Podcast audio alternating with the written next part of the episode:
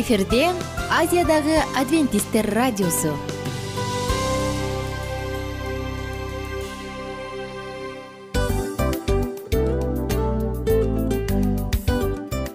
Салам достор. Ден соолук өмүр булагы. Жана биздин биринчи байлыгыбыз демекчи саламат саамы рубрикасына кош келдиңиздер. Бир да кишинин ооругусу келбегени айтпаса да түшүнүктүү анткени ооруганда жаныбыз кыйналганы аз келгенсип көп көйгөйлөр жаралышы да ыктымал. Андан тышкары жумушка же мектепке бара албай же үй бүлөбүзгө кам көрө албай калабыз. Ал эле эмес башка бирөөнүн бизге кам көрүшүнө муктаж болуп калышыбыз ыктымал. Ошон үчүн дарыланууга караганда алдын алуу жакшы эмеспи. Биздин рубрикада биз ар кандай фактылар менен маалыматтар менен кеңештер менен бөлүшүп чын жүрөктөн сиздердин ден соолугуңуздарды каалайбыз. Ошон үчүн биздин рубрикага кош келдиңиздер. Жана даярданып туруңуздар анткени кийинки мүнөттөрдө кызыктуу фактыларга ээ болосуздар. Ошон үчүн достор эң биринчи байлыгыбызды колубузга алдык да алдыга жөнөдүк. Биз менен болуңуздар саламат саама ден соолуктун жарчысы. Саламат саама ден соолуктун ачкычы. Күн сайын сиз үчүн мыкты кеңештер сонун жаңылыктар кызыктуу фактылар. Биздин рубрикада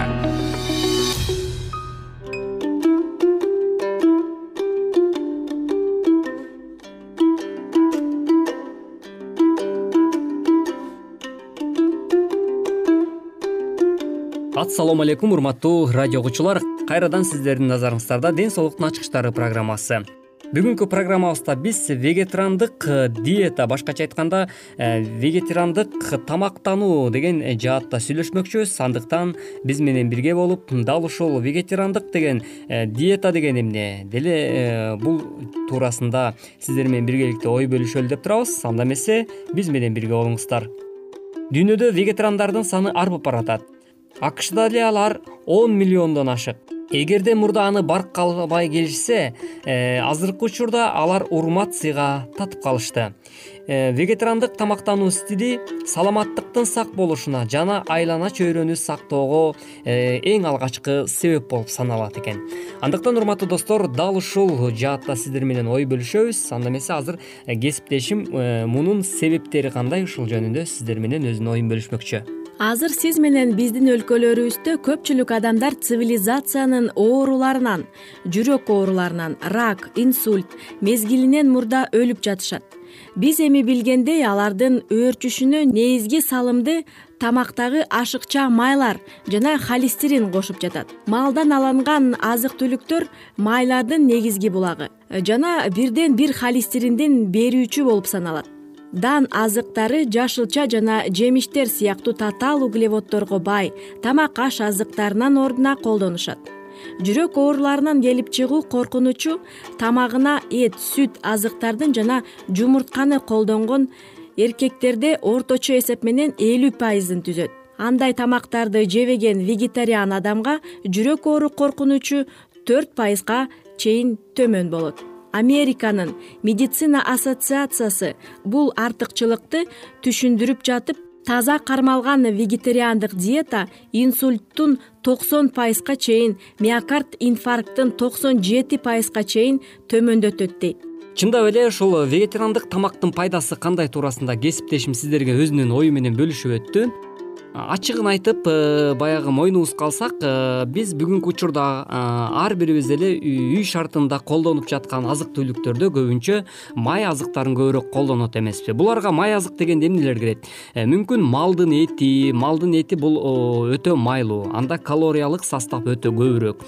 Мисалга алсак койдун эти же болбосо ар кандай койдун ичеттерин баягы кыргыз элиге мүнөздүү нерсе ошол нерселерди көбүрөөк биз жашоо шартта колдоно турган болсок анда бул адамдын ден соолугуна дагы өзү э, түздөн түз терс таасирин тийгизет экен бирок бул жерде мындай ой жаралып калышы ыктымал э, эмнеге э, кыргыздар деген эзелтеден эле мал күндүктүү болгондуктан койдун этин жеп эле келген биздин ата бабаларыбыз өлбөй эле келбеди беле деген суроо дагы туулуп калышы мүмкүн. Бирок окумуштуулардын изилдөөсү боюнча малдын этинде малдын өзгөчө майында холестериндин составы өтө жогору экендигин баса белгилешкен. Бул биздин кан тамыр ооруларына өтө эле бир чоң залакасын тийгизет экен мисалы жүрөк оорусуна ошондой эле жүрөктүн кан тамырларына майдын бүртүкчөлөрү жакшы эрибегендиктен ал ошол жүрөккө тромб болуп туруп калуу дагы коркунучубал мунун натыйжасы алып келиши ыктымал экен. Андыктан э, өзүбүздүн э, саламаттыгыбызды чыңдоону э, каалап турган болсок анда сөзсүз түрдө бүгүнкү учурда ушул вегетариандык азыкты колдонгонго аракет кылсак анда сиз өзүңүздүн ооруңузду алдын алган болот экенсиз. Негизи эле медицинада да айтат экен ооруп баягы төшөккө жатып калгандын ордуна ооруну алдын алуу алыш үчүн анда өзүңүздүн саламаттыгыңызга кам көргүлө дейт экен. Буга мисал дагы айта кетсек э, элибизде деле жакшы сөз бар эмеспи. Мисалы э, сен э, ооруну жашырсаң өлүм ашкере кылат дейт. Анысыкандай биз ошол ар кандай ооруларга чалдыгып калбаш үчүн демек ооруну алдын алып анан өзүбүздүн ден соолугубуз үчүн өзүбүз кам көрсөк бул жакшы болот экен. Ал эми вегетариандык тамак дегенге эмнелер кирет? Вегетариандык тамакка бул сөзсүз түрдө ушул дан азыктары клетчаткага бай мисалы Э, жер жемиштерди көбүрөөк жесек абдан ден соолугубузга пайдалуу экен эркектердин урук бездерин жана эмчектин мөөндүн рак менен ооруп калуу коркунучу эт сүт азыктары жана жумуртка жеген адамдарда аларды сейрек жеген же таптакыр жебеген адамдарга салыштырганда үч төрт эсе жогору. Вегетариан аялдардын сөөктөрү бекем. Аларда сынык аз учурайт. Ал эми э, карып бара жаткандыкка мүнөздүү сөөк тканынын бузулушу анча байкалаарлык болбойт бизде чын эле мисалы кыргыздарда биз аябай көп эт жейбиз конокко барабыз. Конокко барып барып алып дагы аяктан дагы эт көтөрүп келебиз. Он экиде отуруп алып чай ичебиз. Ооба өзүң айткандай баягы тойго барсаң тоюп бар тойгондон кийин кайра дагы алып алып келип алып анан баягы э, көбүнчө бир тамаша кылып айтып калабыз го үйдө мисалы э, ит ит аягын жалабаса алым сынбайт болуп анан э, ошо жогоруда сен айткандай эле түнкү саат он эки бир эки дагы керек болсо үч төрттө келип алып дагы ошол тойдон тарагандан кийин айрыкча ушул тойдон кийин келип алышып анан майлуу тамактарды ошол чай менен бир ичип жеп алып анан жатып алышат го. Анан бул дагы биздин ден соолугубузга же болбосо саламаттыгыбызга түздөн түз өзүнүн терс таасирин тийгизет экен. Вегетариандык тамак менен азыктанган э, узак жашаган элдерде жүз жана андан көп жашка чыккандардан да ден соолуктары чын жана алар активдүү экендиги жөнүндө илимий маалыматтар бар. Вегетариандыкка өтүү эт азыктарына негизинен азыркы кездеги тамактануу стилинин айлана чөйрөгө терс таасирин олуттуу өлчөмдө төмөндөтөт эле мал чарбасына байланыштуу айлана чөйрөнүн булганышы масштабы жагынан өнөр жайдын жана адамдын иш аракетинен башка сфераларынан терс таасиринен э, аз эле жерден ашып түшпөйт талаалардагы жайыт үчүн өтө эле туура эмес пайдалануу жана малга тоют өндүрүү максатында жерди тынымсыз иштетүү.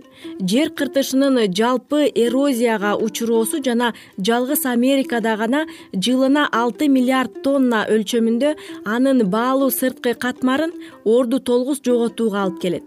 Борбордук америка экспортко этти өтө көп чыгарат таасири күчтүү жер ээлери бул региондун дайыма жапжашыл түн токойлорунан дээрлик э, жарымын жок кылып э, колбасаларды жана биштекстерди даярдоого зарыл болгон мал үчүн жайытка айландырышты.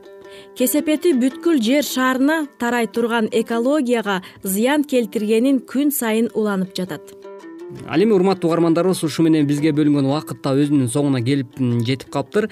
Кийинки программабыздан кезишкенче аман болуңуздар ден соолукта болуңуздар эч убакта оорубаңыз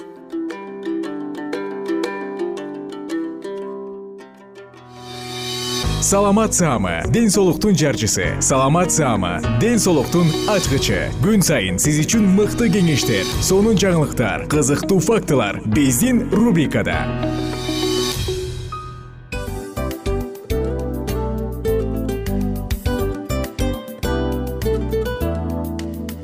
салам достор. Ачуу душман акылдос акылыңа акыл кош демекчи биздин дил маек рубрикасына кош келиңиздер. Дил маек программасында ар кандай темаларды козгойбуз. Балдарды өстүрүү аларды тарбиялоо кантип балдарды бактылуу кыла алабыз. Жана кыз жигит ортосундагы мамилелер кыз жигит ортосуна кантип нукура таза сүйүүгө жетсе болот. Бактылуу үй бүлө куруунун кеңештери ар кандай сырлары жеке өсүү жана ар кандай кызыктуу чыгармачыл программаларга арналган рубрикабызга кош келиңиздер. Эмне үчүн дил маек? Анткени дил маек эки адамдын баарлашуусу сырдашуусу. Сизди да биз менен сырдашууга чакырабыз. Анда эмесе кийинки он мүнөттүк убакытта сиздер менен чын жүрөктөн сырдашып баарлашабыз. Даяр болсоңуздар анда кеттик ар түрдүү ардактуу кесип ээлеринен. Алтын сөздөр жүрөк ачышкан сыр чачышкан сонун маек. Дил маек рубрикасында.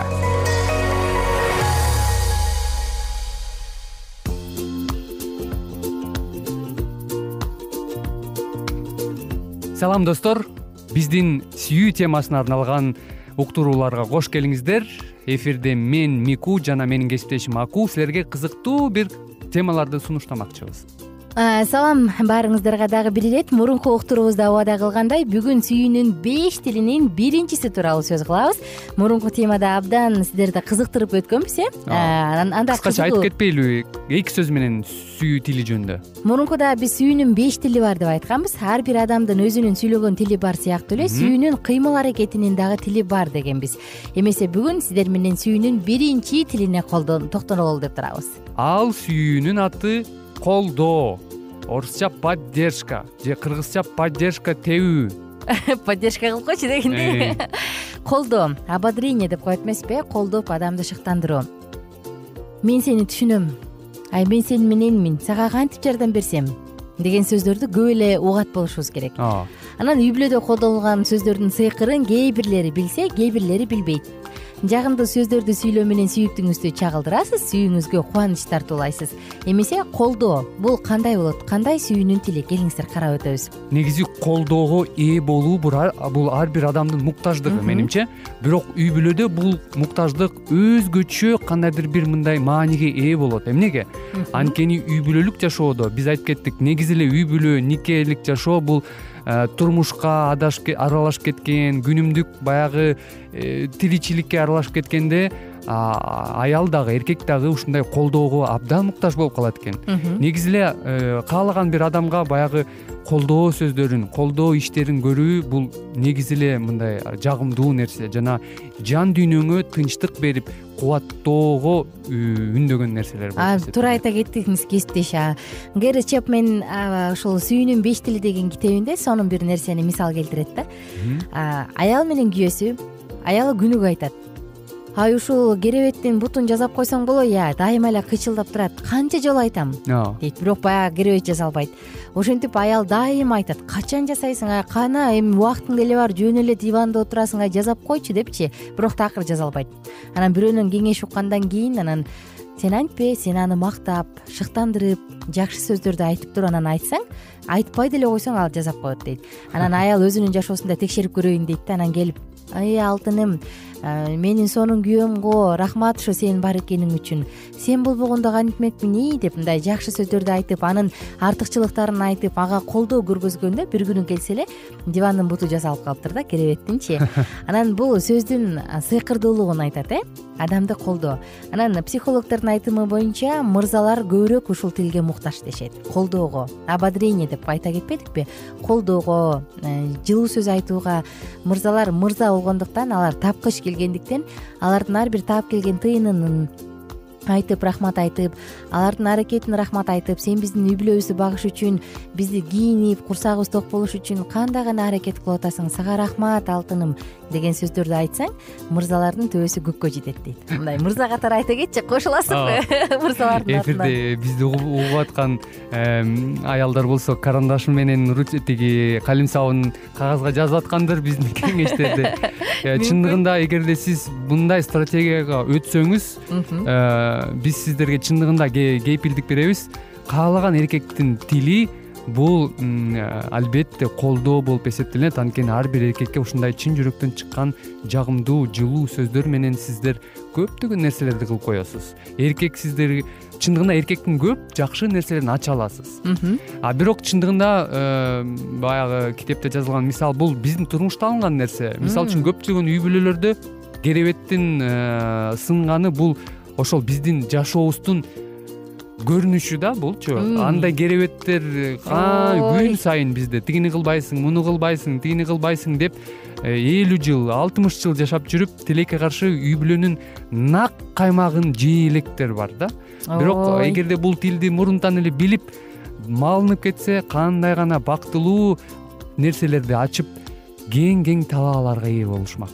Э, чындыгында эле мырзалардын көп мырзалардын сүйүү тилинин бири бул колдоо болуш керек э кошулат болушуң керек мен кошулам сөзсүз түрдө кошулам э. Анткени мырзага претензия айтсаң мындай кемчиликтерин айтып оңолбойсуңбу десең аларда мындай алар намыскөй келгендиктен ого бетер сага өчөшүп туруп мындай бузулушу мүмкүн э? А эгерде ага чын жүрөктөн ыраазычылык айтып турсаң анда сүйүктүүмдү дагы канткенде ыраазы кыла алам деп болгон аракетин жумшайт экен. Таң калыштуу бирок ушундай экен да? Кызык кызыктуусу э, бул баары мелочтор экен да. Мисалы үчүн майда чүйдөлөр биз ойлойбуз кээ бирде колдоо көрсөтүш үчүн бир чоң нерсе кылыш керек го даярданыш керек бул эртик кылсын анан айтайын деппи бир нерсени күтүш керек го жок колдоону азыр гана баштасаңар болот. Бирок колдоо ушул кичинекей кичинекей кумчалардан кичинекей гана нерселерден келип туруп анан түзүлгөндө ошол чоң сүйүү чоң кереметтүү нерселер пайда болот. Бул мелочтордон ошол биздин жашообуз түзүлөт эмеспи ошондуктан коркпостон ушул колдоолордун вообще жадный болбой эле айтып бериңиз көрсөтүп бериңиз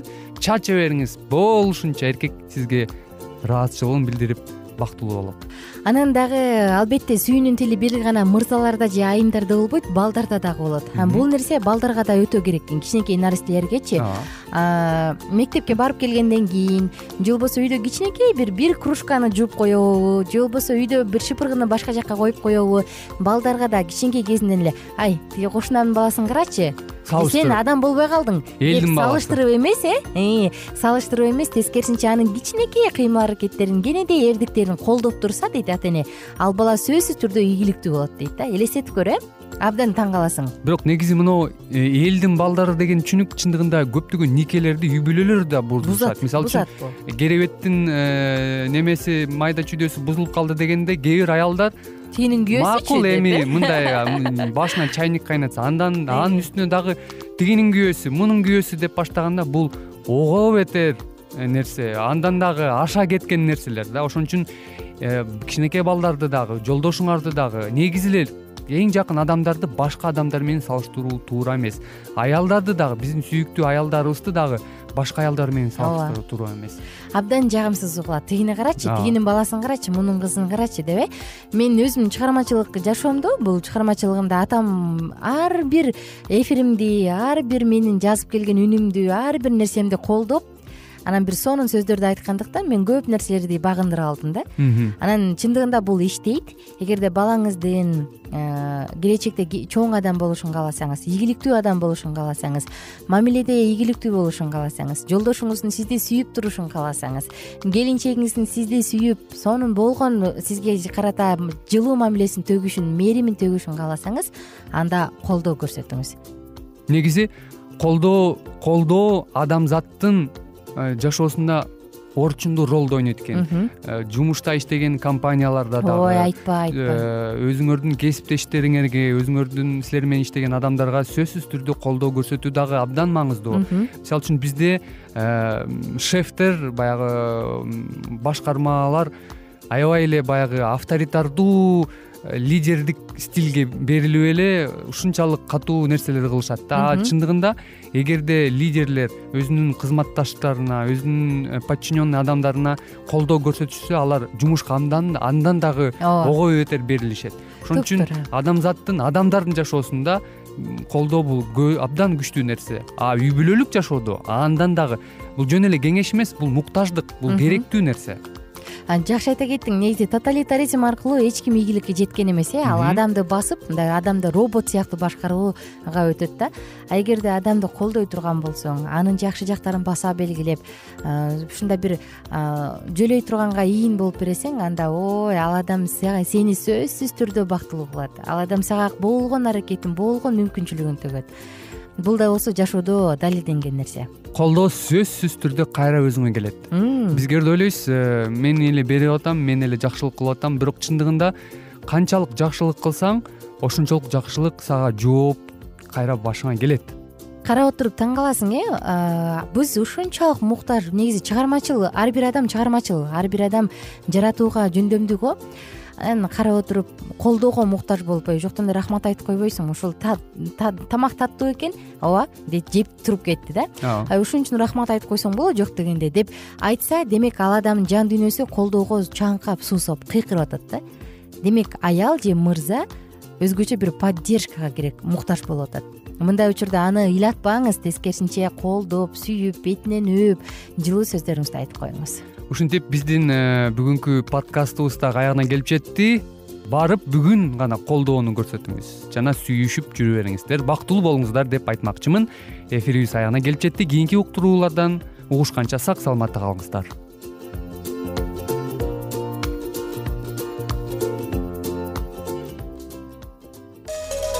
ар түрдүү ардактуу кесип ээлеринен. Алтын сөздөр жүрөк ачышкан сыр чачышкан сонун маек. Дил маек рубрикасында.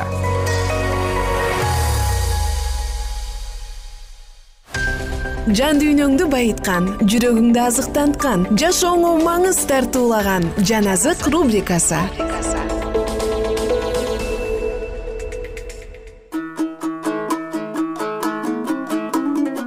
саламатсыздарбы достор? Сиздер менен улуу күрөш китебин улантабыз. Мен алардын өздөрүн башкача алып жүргөндүгүн байкап турдум деп айтат ал. Алардын момундугу алардын башка жүргүнчүлөргө жасаган кызмат кылууларын башка англиялык адамдардын бири дагы жасаган эмес.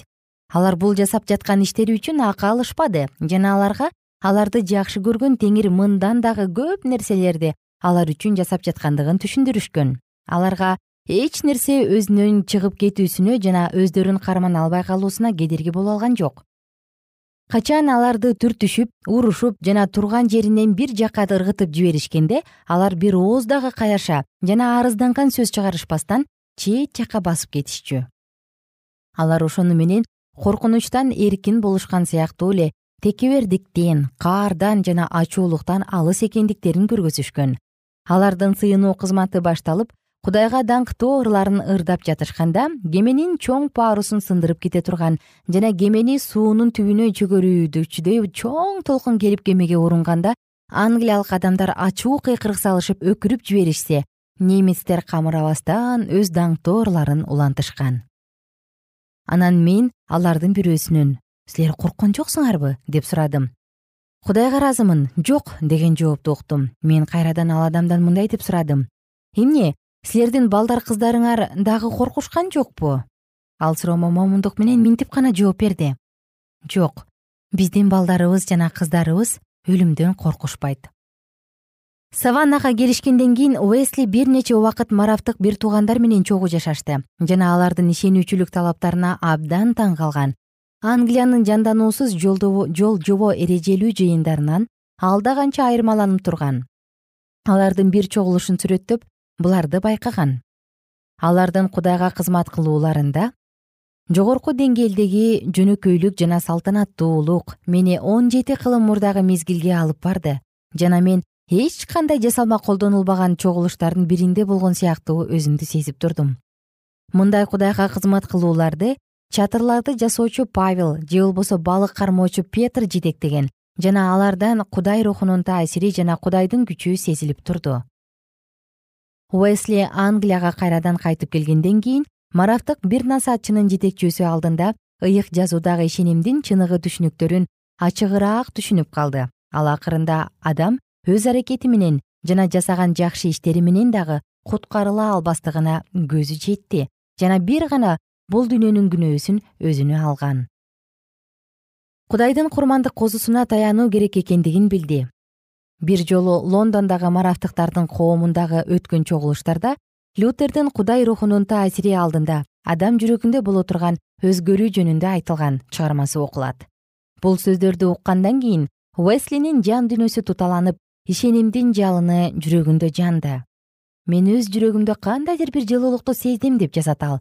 Жана куткарылуу ишинде бир гана ыйса машаякка жана жалгыз гана ага таянуу керек экендигин билдим жана ал гана мени менин күнөөлөрүмдөн арылтып күнөөнүн жана өлүмдүн мыйзамынан мени куткарды.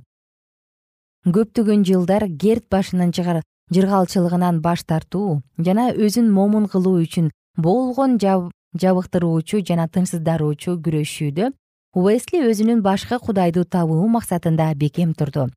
Жана ал эми гана кудайды тапты. Ал ырайым табыш үчүн өзүнүн тырышкандык менен сыйынып орузо кармап жакшы иштерди жасап жана өзүн курман кылуулары кайтарылгыс жана бекер берилген белек болчу. Машаякка ишенимде бекемделгенден кийин ал бардык жерге кайтарылып берилгис кудайдын ырайымы жөнүндөгү билимин таратууну каалады. Мен бул дүйнөнү өзүмдүн уюмум катары карагым келет. Жана мен кайсыл гана жерде болбоюн уккусу келген адамдарга куткарылуу жөнүндөгү кубанычтуу кабарды жарыя кылуу кайсыл гана жерде болбосун менин милдетим жана укугум деген ал. Баштагысында эле жалгыздап жашаганды өз өмүрүн аябаган жашоо аракетин уланта берди. Бирок эми ушул нерселер ал үчүн негизгиси эмес ишенимдин арты болуп эсептелди. Ал тамыр эмес касиеттүүлүктүн жемиштери эле. Ыйса машаяктагы кудайдын ырайымы христиандык үмүттүн негизи болуп эсептелет жана бул белек тил алчаактыктан пайда болот тил алчаактыктан пайда болот. Машаяктын куткаруучу канына ишенүү аркылуу берилген куткарылуу. Жүрөктөгү ыйык рухтун жаңыртуучу күчү адамды өзгөртүп аны машаякка окшоштура алат. Ушул улуу чындыктарды насааттоого уэсли өзүнүн бүткүл өмүрүн арнаган. Уайтфилд жана уэсли бир туугандар алдыда боло турган узак жана кыйналуучу өз акыбалын сезүүчү иштерге дайындалышты. Теңир аларды университетте дагы жана өз кызматтарын баштаган мезгилде дагы шылдың кемсинтүү жана өзүнүн аянычтуу абалын сезүү секичесинен өткөрдү. Анткени алар алдыда боло турган сынактарда машаяктын жакшы жоокерлери катары өздөрүн көргөзмөк. Ишенбеген алардын студент достору аларды методисттер деп аташкан. Жана бул ысым азыркы мезгилде англияда жана америкада эң чоң жана кадырлуу христиан жыйындарынын бири болуп саналат англиядагы жыйындын мүчөлөрү болгондуктан алар анын кызматтарындагы эрежелерин аткарууга умтулушкан. Бирок теңир аларга өз сөзүнөн жогорку жеткилең үлгү калтырды. Ыйык рух аларга айкаш жыгачта керилген машаякты насааттаганга үндөгөн жана алардын иштерин эң жогоркунун күчү коштоп жүргөн. Алардын чындыкты айтып жаткандыктарына ишенишип миңдеген адамдар чыныгы ишенимге кайрылышкан. Папалык кыймыл гана жырткыч карышкырлардан коргонгонсуп коргочулоого муктаж болуп калды. Уэслиде жаңы динди түзүү оюнда дагы болгон эмес бирок жакшы кабарды кабыл алгандарды чогултуп методисттик бир туугандар деп атады. Мамлекеттик жыйын болсо бул үгүтчүлөргө карата кыжырын кайнатып түшүндүрүүгө мүмкүн болбогон күрөш баштайт. Бирок теңир жагдайды өзгөртүп реформа жыйынынын ичинде башталган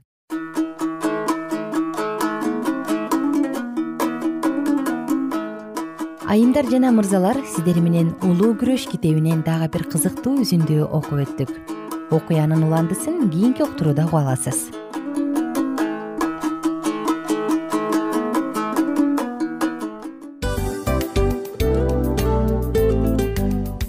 Мына ушинтип убакыт дагы тез өтүп кетет экен. Биз дагы радио уктуруубуздун аягына келип жеттик келип кубандырдыңар эми кетип кубандыргыла деп тамашалап калышат эмеспи? Анысы кандай?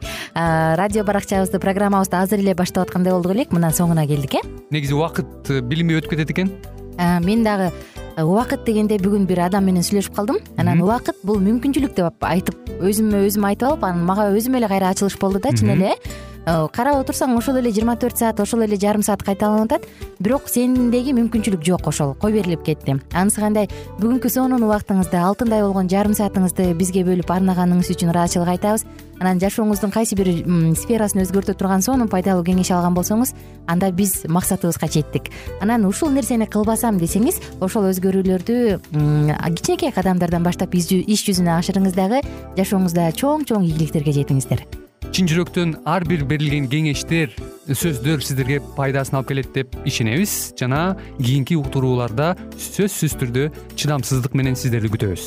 Сагынычтуу салам айтып кайрадан дал ушул жыштыктан баардыгыңыздарды тосуп алганча. Кызматта мен айнура жана кесиптешим милан анда кол булгалайбыз жалпыңыздарга ийгиликтүү күн. Саламатта калыңыздар